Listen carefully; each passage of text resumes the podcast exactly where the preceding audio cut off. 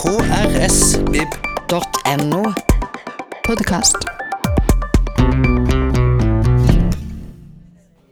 Ja, hei og velkommen. Bjørneboe-dagene, da to. Eh, og jeg sier igjen, altså, jeg gratulerer med dagen. Det er altså 100-årsdagen for Jens Bjørneboe. Og nå er, skal vi inn på et emne som jeg tenker er i god Bjørneboe-ånd. Innsyn i offentlighetsloven. Og, altså, dette er noe jeg skal lytte til sjøl nå, så, jeg skal ikke si så mye. Jeg vil gjerne bare at dere tar godt imot Eirik Viksnes, som skal da intervjue eh, en av de fremste i Norge på dette temaet. Altså Tarjei Ler Salvesen. Hei og velkommen alle sammen. Det er fantastisk å se at så mange er interessert i uh, innsynsrett, offentlighetslov og byråkrati. Jeg er litt imponert, faktisk. Mitt navn er som sagt Eirik Viksnes. Jeg har jobba 20 år uh, som journalist i Fedlandsvennen, og så har jeg gått over til Fienden. Det er til kommunikasjonsavdeling og PR. Men jeg har mitt bankende hjerte i journalistikken. Og uh, jeg har fulgt Tarjei Ler Salvesen, min ekskollega, med interesse i hans arbeid for å bedre åpenhetskulturen i offentlig sektor, og derigjennom mulighetene for journalistene til å komme inn og finne interessant stoff i offentlig postjournaler. følge med på makta.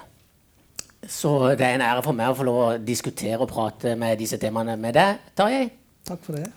Uh, jeg vet ikke hvor mye du kjenner til uh, Tarjeis uh, historikk. Han er altså kanskje en av Norges fremste journalister på dette med innsynsrett. Og han har vært med og laga postjournaler som er mulig å søke i. Gjort det mulig, skapte, vært med å skape redskap for journalister som er uvurderlige i å ettergå makt og myndighet, og, og se hva, hva de beslutningstagere holder på med. Uh, han har jobba i NRKs uh, ikke gravegruppe, men i NRK Brennpunkt mm. som researcher. Du, er, du, jobber nå som gravejournalist. Det, alle vet hva en gravejournalist er for noe? Altså, Han graver ikke grøfter. Det òg. Så jeg syns vi skal begynne litt med å trekke sammen Jens Bjørneboe og hans forfatterskap, det som er tema her for disse møtene og eh, hans sitt virke. Eh, Bjørneboe kjenner vi jo som en utrettelig kritiker av, av, makt og myndighet. En som var på den lille manns side, og, og var skeptisk til de fleste som forvalta makt og myndighet. Hva tenker du er fellesnevneren mellom det eh, Bjørneboe skrev og var opptatt av, og, og ditt virke? Ja, jeg forsøker jo ikke å leve som Bjørneboe. Det virker ikke så trivelig. Men, men, eh, men, men det er noe i, i eh, den, den, måten å se samfunnet på. Han har et, et eh, nedenfra-perspektiv. Eh, Bjørneboe sparker konsekvent oppover. Han sparker ikke folk som ligger nede. Han er på den, den lille manns parti, han er på de utsatte gruppers parti. Eh, og han stiller kritiske, utfordrende spørsmål til makta hele tiden. Så det, den, blikket på samfunnet er en del av dette verdisynet som ligger i bånn i forhold til hva er det som er oppgaven vår. Den deler jo Bjørneboe med alle som driver med kritisk undersøkende journalistikk også. Det er veldig mange måter et, et sånt engasjement kan få utløp på. Men hvis du skal drive med det som, som meg og mine nærmeste kolleger Sondre Sakariassen og Conny Bensrud i Fevennen holder på med i denne gravegruppa, så er det en slags eh, forutsetning for å søke seg til den type jobb. At, at, man, at man, har et sånn type perspektiv på, på det vi skal gjøre. Mm. Jeg vil ta tak i et, uh, den mest aktuelle saken knytta til offentlighet, nemlig uh, koronakommisjonen som uh, regjeringa har oppnevnt, og som skal i gang med sitt arbeid for å undersøke hvordan to Norge tak i koronasituasjonen. De pålegg som den ga til folk, og, og med hvilket grunnlag gjorde, han, gjorde, myndighetene det, og, og med, med, hvilket resultat. Og Nå er det jo en diskusjon om hvor grad av åpenhet skal være i den kommisjonen spørsmål rundt interne uh, altså, uh, innhenting av opplysninger, og, og, og sant, hvor mye skal være offentlig her. Og Der ønsker jo kommisjonen å holde en del uh, dokumenter internt. Og det, det, er jo en politisk dragkamp om nå. Kan du kommentere den kort? Vi har eh, nokså etablert eh, parallell praksis eh, på flere andre områder i samfunnet. F.eks. hvis du ser på, på, Riksrevisjonens arbeid, som hele tiden skal drive og ettergå eh, hvordan offentlig sektor gjør jobben sin i forhold til de vedtakene de har å forholde seg til fra, fra Stortinget. Eh, der er jo prinsippet at veldig mye eh, informasjon er eh, åpent når de er ferdige å undersøke. Litt av det er åpent underveis, men, men, men rommet de har eh, juridisk for å holde en del tilbake, er ganske stort i, i den type undersøkelsesarbeid mens undersøkelsen pågår. En del av begrunnelsen for det eh, er eh, ikke så mye at man skal ha arbeidsro og at det er ubehagelig med søkelyset på seg, men at ikke de som blir undersøkt, skal få eh, anledning til å eh, dreie forløpet. Og det har jeg veldig stor forståelse for. Det, det, men desto viktigere at ting blir åpent etterpå. Mm. Eh, mest mulig. Og så noe underveis. Mm.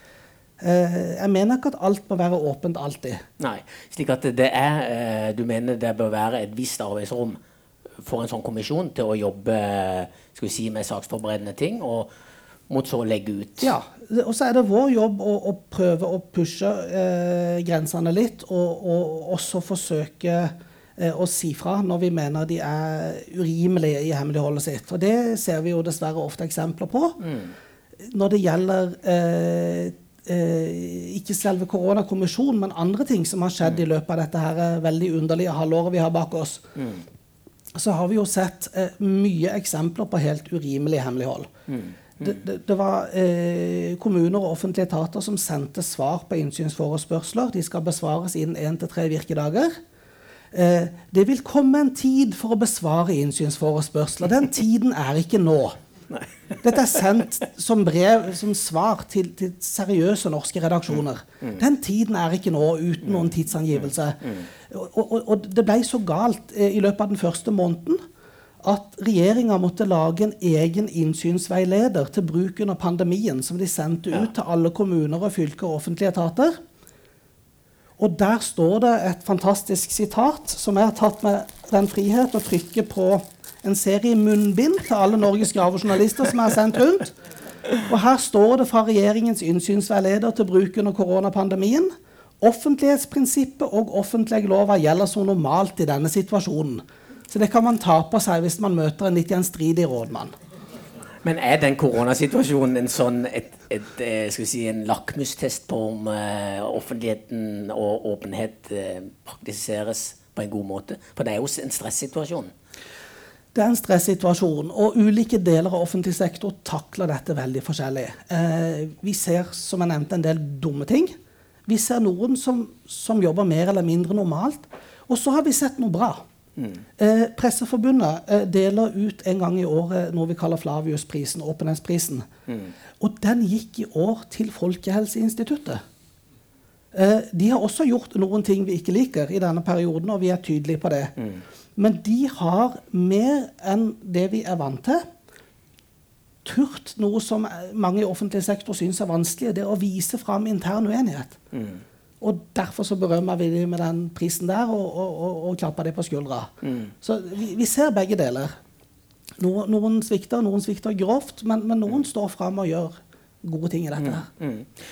Eh, hvis vi ser på Norges eh, si, rykte internasjonalt på dette med å uh, drive demokrati, så, uh, så har jo Norge en, eh, si, fått et rykte for å være, ha en stor grad av åpenhet. Det er en stor grad av tillit mellom eh, publikum og, og altså befolkningen og eh, myndighetene. Eh, stikk i strid med eh, over Atlanteren, for å si det sånn.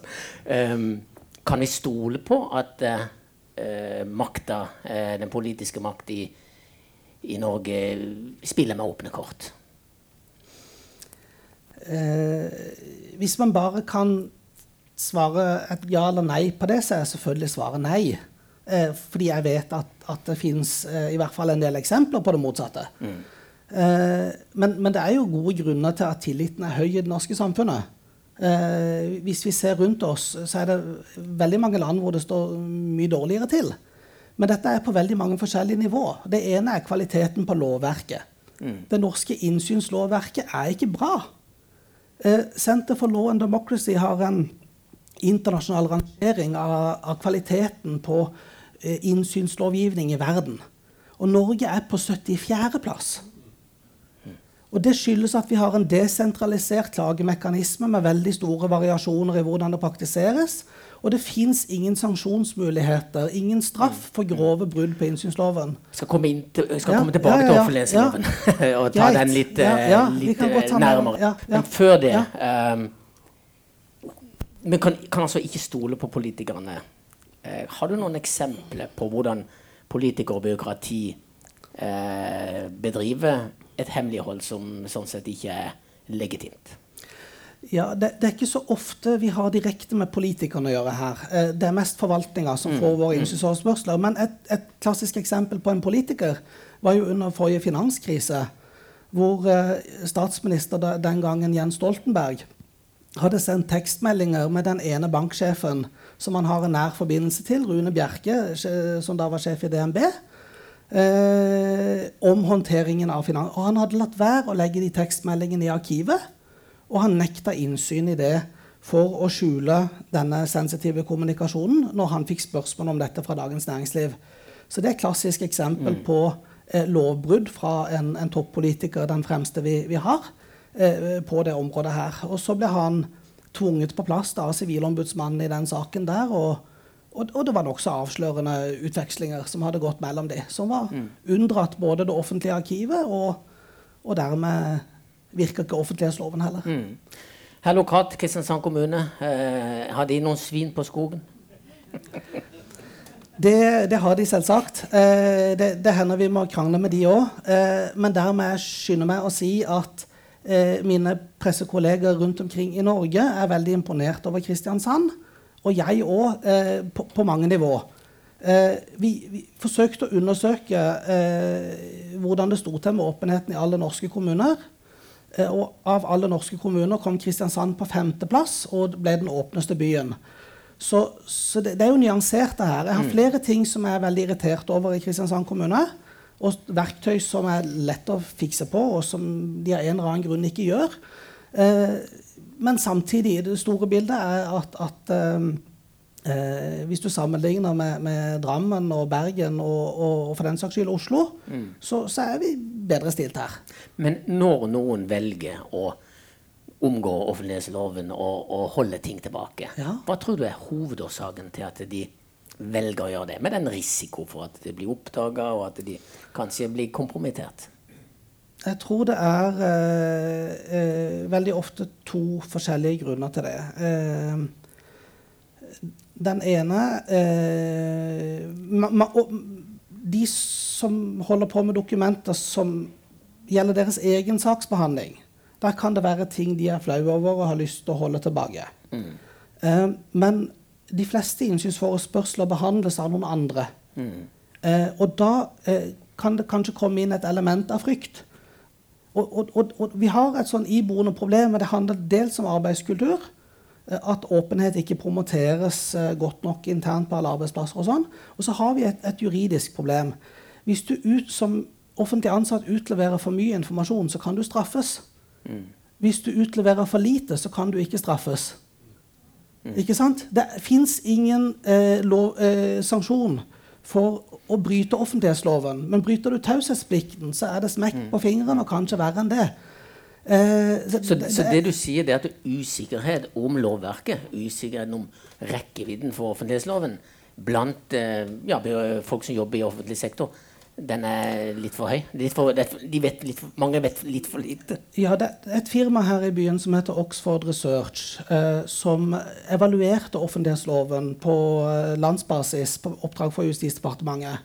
Hun, eh, Høyre-politikeren Åse Marte Hårigmo var, var involvert i den eh, eh, analysen som ansatt der. Eh, og, og, og, jeg diskuterte litt med henne etterpå. Det er veldig spennende funn. De sier at kunnskapen om den loven er veldig skeivt fordelt i norsk forvaltning. Og vi i Presseforbundet peker jo da fram mot hva skal vi nå gjøre når vi skal skrive om denne loven. Så sier vi da må vi ha bedre opplæring, men vi, vi bør kanskje også samle all klagebehandling på ett sted. Sånn at, at ting behandles enhetlig, og ikke eh, stjeler tid fra usikre eh, offentlige ansatte rundt omkring i alle kommunene. Mm. Det er 20 år siden du begynte i journalistikken, stemmer ikke det? Ja, par 20. Mm. Eh, hvordan vil du sammenligne vilkårene for gravejournalistikk da du begynte, og i dag?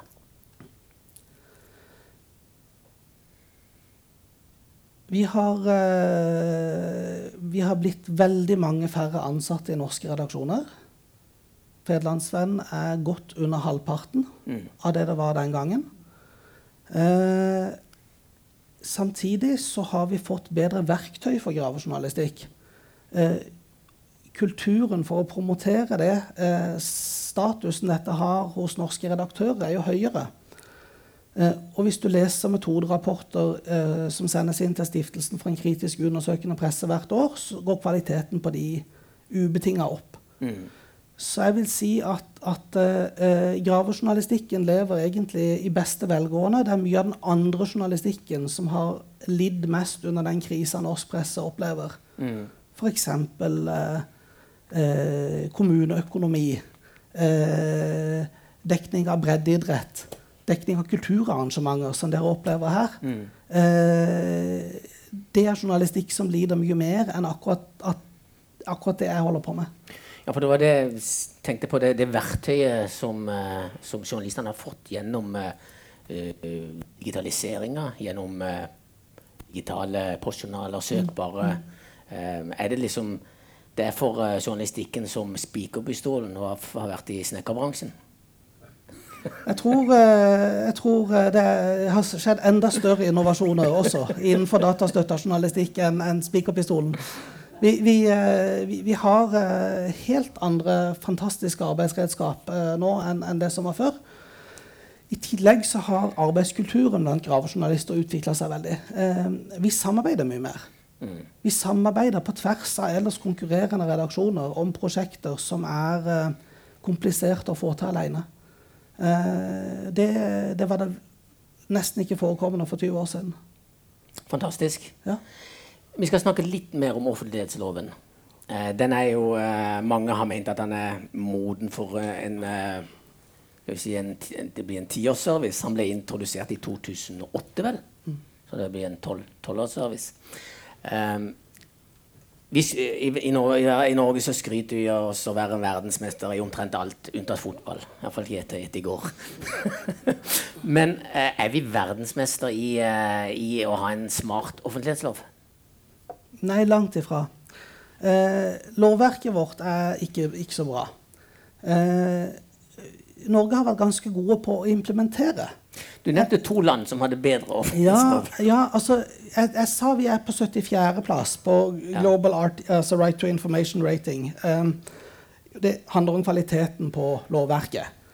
Men hvis man ser på hvem som er på toppen, så kan man sitte og klø seg litt i hodet. Det er nemlig Mexico og Afghanistan.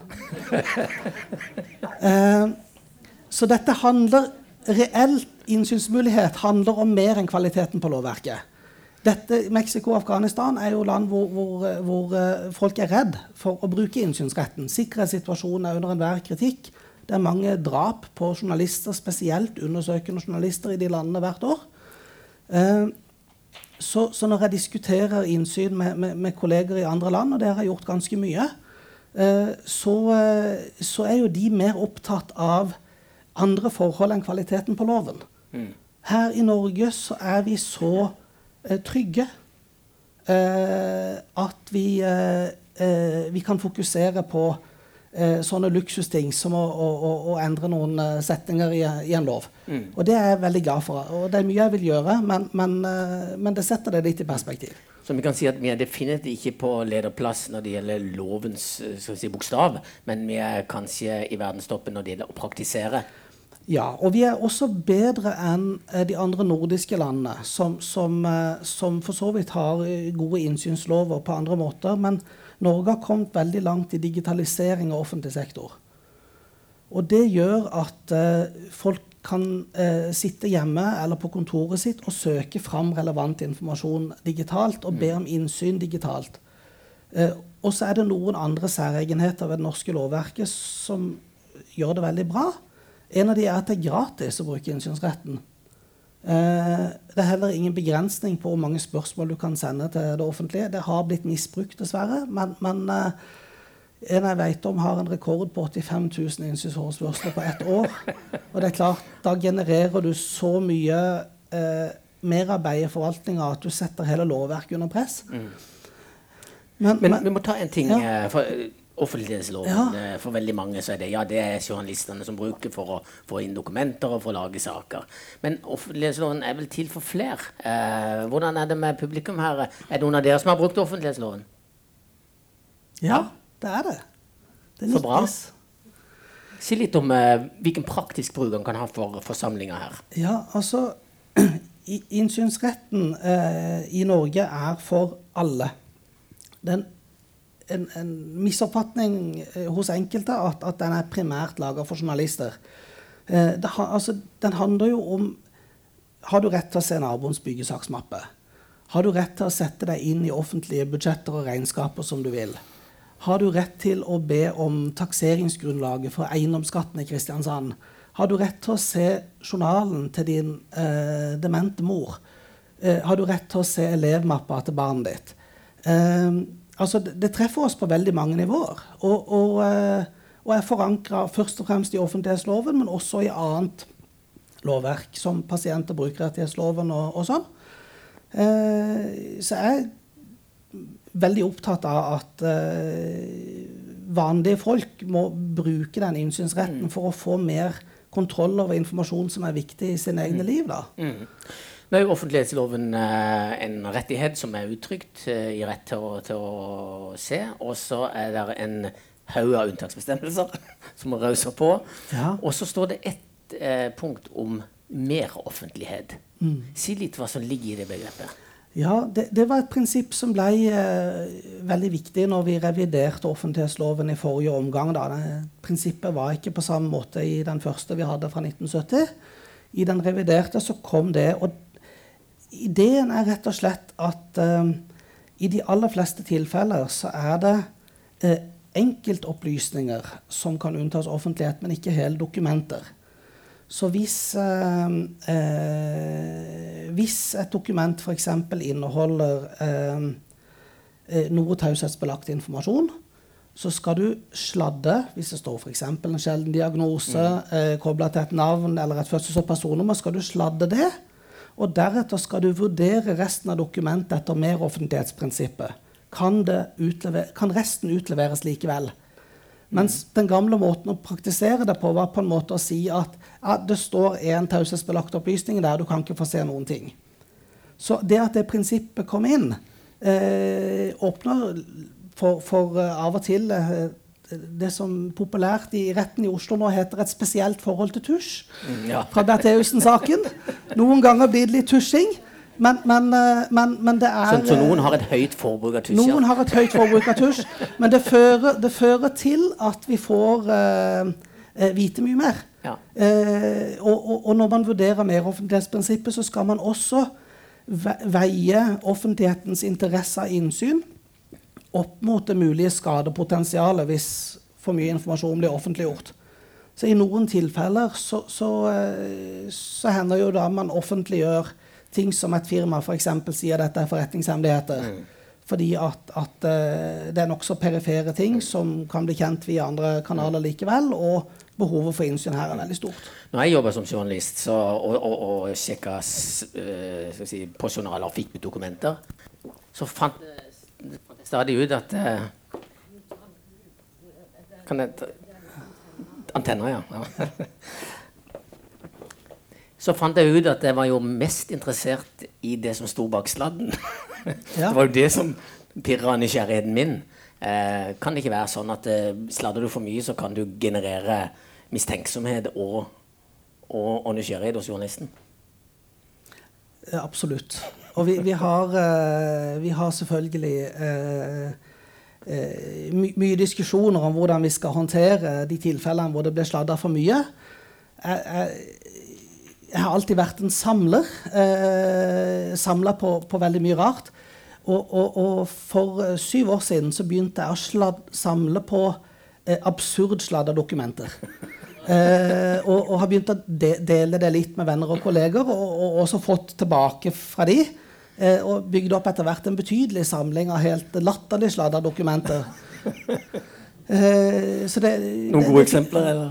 ja, altså, et, et av de lokale eksemplene mine eh, Sladden ble utført av altså, Sist helg hadde jeg en reportasje sammen med Conny Bensrud i, i God helg eh, om eh, veldig syke asylsøkere i en egen tilrettelagt avdeling på Kristiansand statlige mottak.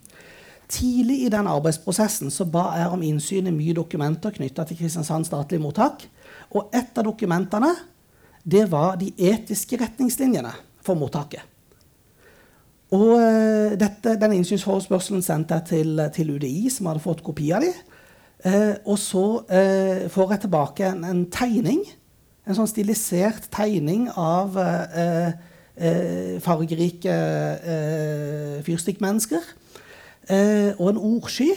Og så står det øverst 'Etiske retningslinjer for Kristiansand statlige mottak'. Og så står det 'målsetting', og så står det 'respekt'. Og så er resten tusja bort. Eh, og og- det, det er jo fullstendig latterlig når du sitter og ser på det dokumentet. Men, men sånne dokumenter eh, koser jeg meg med og lager bilder av. Til glede og oppmuntring for andre journalister. Og sendte og det er jo litt fint i loven, for det, det var UDI som hadde sladda det her. Så tenkte nå skal jeg spørre Kristiansand kommune om å få eh, utlevert det samme dokumentet, og det fikk jeg uten sladd. Ja. Eh, så nå har jeg både før- og etterutgaven, eh, så jeg vet hva som står under sladden. Eh, og og, eh, og det, det, det var jo helt alminnelige, hyggelige ting om å behandle folk ordentlig. altså. Det var, det var ikke så Men det, hemmelig. det er klart, det må jo være hemmelig. Ja. Men de sprøeste eksemplene er jo der, der eh, noen faktisk utleverer et dokument der hvor man har tatt bort alle bokstaver og tall. Man har sladda alt, inkludert sidetallet. Eh, og det har jeg noen eksempler på. Og når jeg sitter med de, så sitter jeg og lurer litt. Grann, er dette fortsatt et offentlig saksdokument, eller er det et selvstendig åndsverk? For det er det er, liksom, det er ingenting å ta i. Saksnummeret er borte. Alt er borte.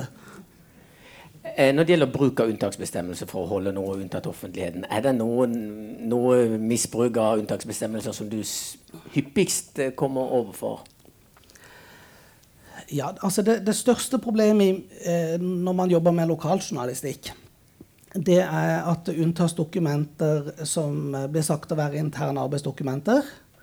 Eh, og, eh, eh, og så har man ikke gjort en reell vurdering etter meroffentlighetsprinsippet om, om, eh, og veid skadepotensial opp mot offentlighetens behov for innsyn. Det, det er det mest gjennomgående problemet eh, hos, hos meg. Um, men det har vært andre kommuner som har vært større problem enn en Kristiansand. Jeg har skrevet mye om gamle Søgne kommune, f.eks. Hvor dette var et betydelig mer utbredt problem enn det har vært i Kristiansand. Særlig når de hadde problemer med rådmannen sin. Da.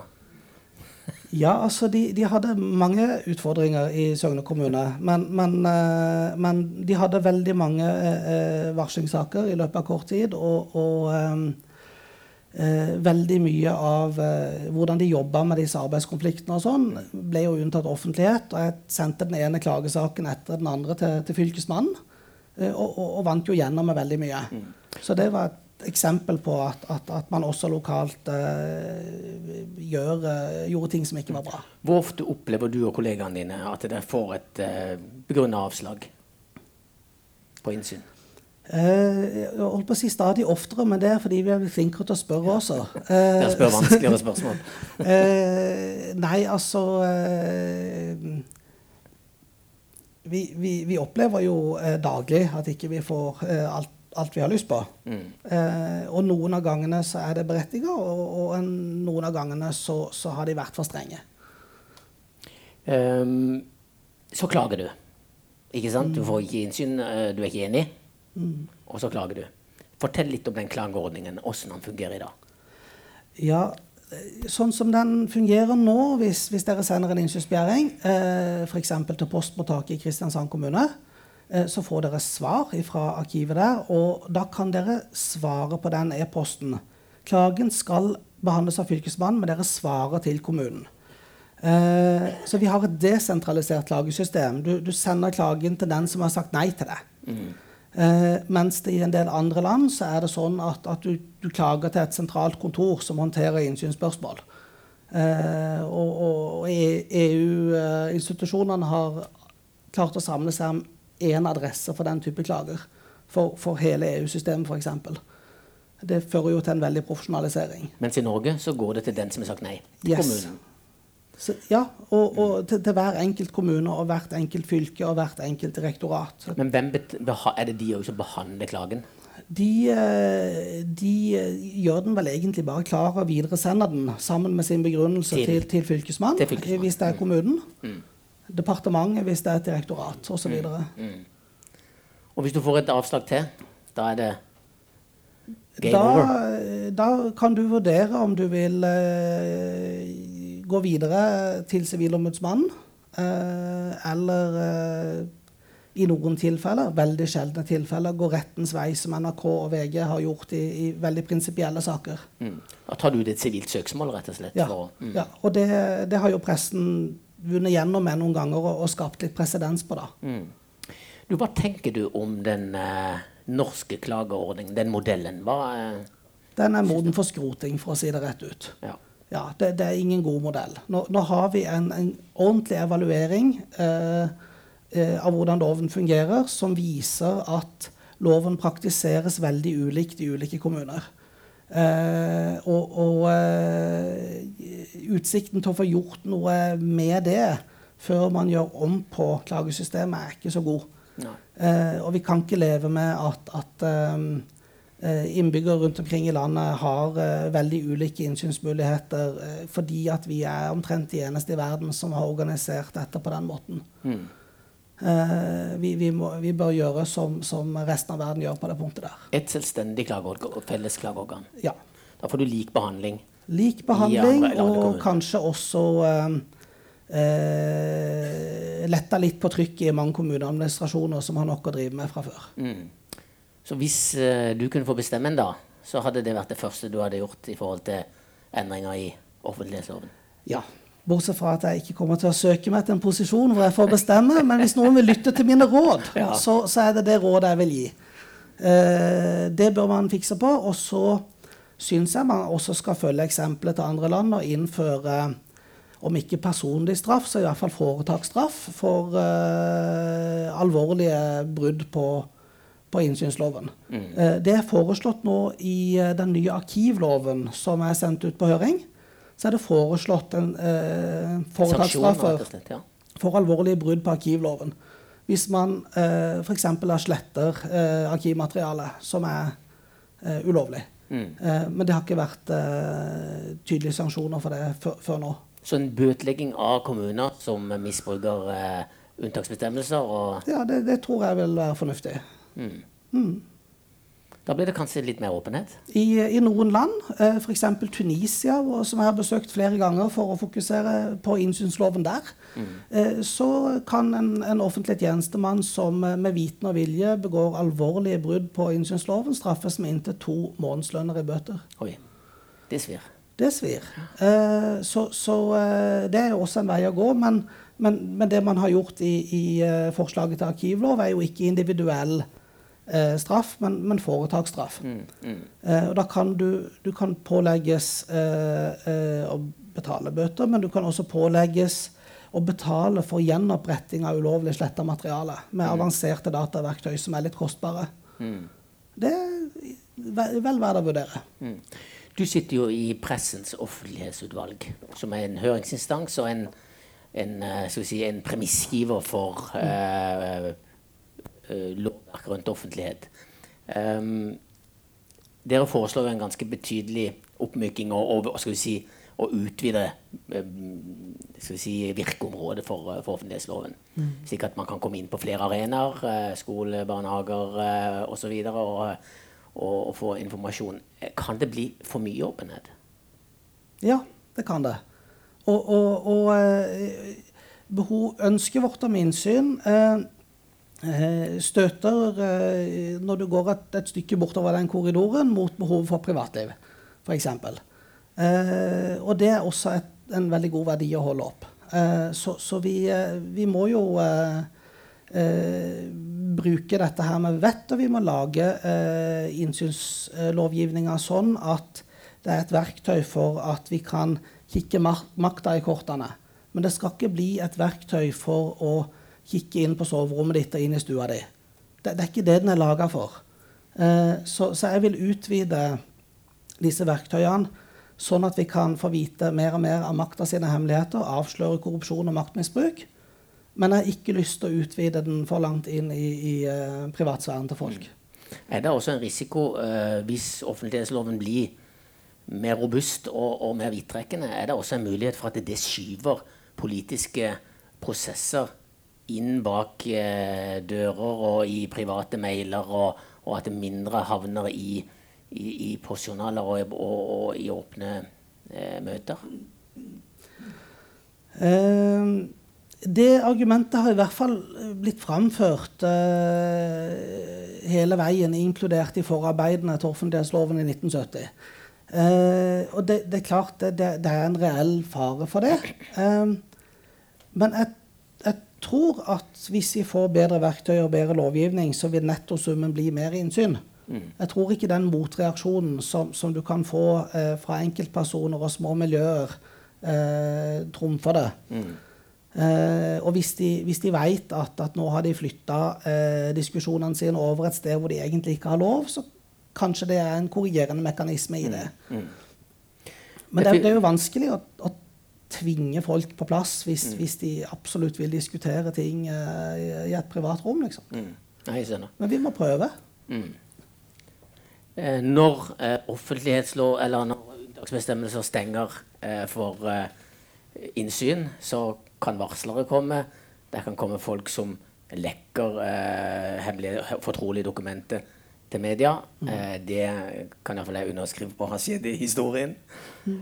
og det sier jeg jo igjen. ser du noen betenkeligheter som journalist til å ta imot si, fortrolige dokumenter som er blitt unntatt offentligheten? eh, fra en kilde som du kanskje ikke kjenner? Eh, ja, det er dilemmaer knytta til det. Eh, og det krever at vi eh, jobber veldig seriøst med kildekritikk, ikke bare kildebeskyttelse. Eh, vi må vite hvem vi forholder oss til. Vi må vite, eh, prøve å forstå hvorfor de kommer til oss, hvilken agenda de har.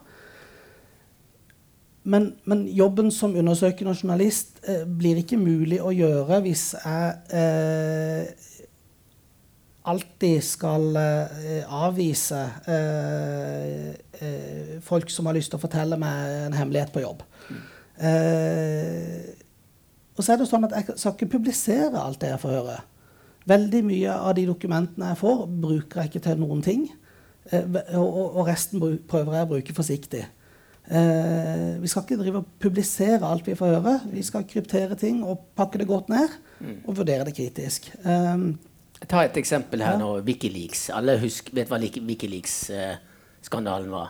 Det var hundretusenvis av, av hemmelighetsstemplede dokumenter som ble offentliggjort. Og i Norge så gikk jo flere aviser sammen om å bearbeide det materialet. Og her var det alt fra navn på spioner til Kokker og sjåfører og Korrupsjon og millioner som bytta eier, og korrupte statsledere. Det var alt mulig. Hva, eh, og dette var jo hemmelighetsstempla og sånn sett forbundet med, med, med, med straff, brudd på straffeloven og, og, eventuelt bruke det videre. Ja, brudd på amerikansk straffelov. Ja, på amerikansk. Ja. Mm, mm, ja. Det er ikke noe utleveringsavtale, det er ikke så farlig. Ja. Men hvor, si litt om hvor, hvor, ja, hvordan dere håndterte det. Jeg var med på det arbeidet der. Uh, Aftenposten fikk tak i disse dokumentene og inviterte til uh, dugnad. Og de inviterte Bergens Tidende og Adresseavisa, Aftenbladet og Federlandsvennen til å komme og, og, gå gjennom de dokumentene i kjelleren på Aftenposten. Uh, og, og for det første må vi ha veldig høy grad av, av datasikkerhet rundt det. Det var veldig masse forsøk uh, utenfra på å bryte seg inn i datasystemene og stjele disse dokumentene. Uh, men når vi ser på de dokumentene, så ser vi at ja, her er det store historier som vi er nødt til å omtale. Og vi, vi skrev jo veldig mange av de store historiene der om, om uh, forholdet mellom USA og en del andre stater, om hva USA visste om hvordan kretsen rundt Putin driver og gjemmer bort eh, formue i skatteparadiser og sånn. Samtidig så eh, ser vi at her er det Og det var masse viktig stoff om, om krigsforbrytelser begått i USA og Afghanistan. Nei, eh, i Irak og Afghanistan av USA. Eh, men så ser vi at, at inni disse dokumentene så er det også veldig mye navn. På sjåfører, på kokker, på tolker. På vanlige ansatte som, som hjelper den amerikanske staten langt ned i systemet. Wikileaks pressa jo på for at disse dokumentene skulle publiseres i sin helhet av alle aviser som hadde tilgang til det. Og der måtte vi stritte imot og si nei. For oss her støter informasjonsaktivisten sin etikk mot presseetikken. Vi vil bruke sånne dokumenter forsvarlig og diskré. Vi vil vurdere hva er det som kan, er viktig her, og hva er det som ikke skal publiseres. Og disse dokumentene som inneholder navn på vanlige ansatte nede på gulvet, som Taliban kan finne på å forfølge, de er eh, Det er det ikke vår oppgave å publisere. Men det at, eh, at amerikanske styrker har eh, skutt masse sivile, inkludert eh, uh, journalister og, og, og kameramenn uh, fra et helikopter fra stor avstand, det er viktig å publisere. Mm. Eh, men hvem andre som var i området der den dagen, mm. eh, og, og, navnet på de og hvilke roller de hadde, det trenger vi å publisere. Og, og, så blir vi uenige. Det var en kjempekonflikt mellom pressen mm. og Wikileaks rundt, mm. uh, rundt dette her. Så formidling av eh, informasjon som er fra et fortrolig dokument, vil være ok hvis det undergis en redaksjonell vurdering, og der de etiske sidene av, av publiseringa? Etiske, sikkerhetsmessige, juridiske vurderinger. Vi, vi, gjør mange vurderinger rundt dette her. Eh, da mener jeg at, at eh, det kan være mulig å gjøre jobben på en forsvarlig måte. Men, men, ja, av og til får vi dokumenter mm. som noen ikke vil at vi skal ha. Mm. Kjempefint. Takk for uh, praten. Det var interessant å få et uh, dypdykk i lov om offentlighet og, og rammevilkårene for gravejournalistikk. Da sier jeg tusen takk for frammøtet. Det er klokka er kvart over. Om et kvarter skal det være konsert. Godt.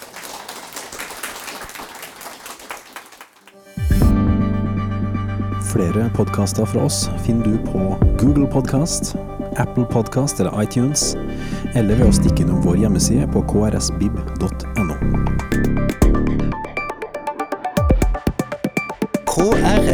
krsbib.no. Podkast.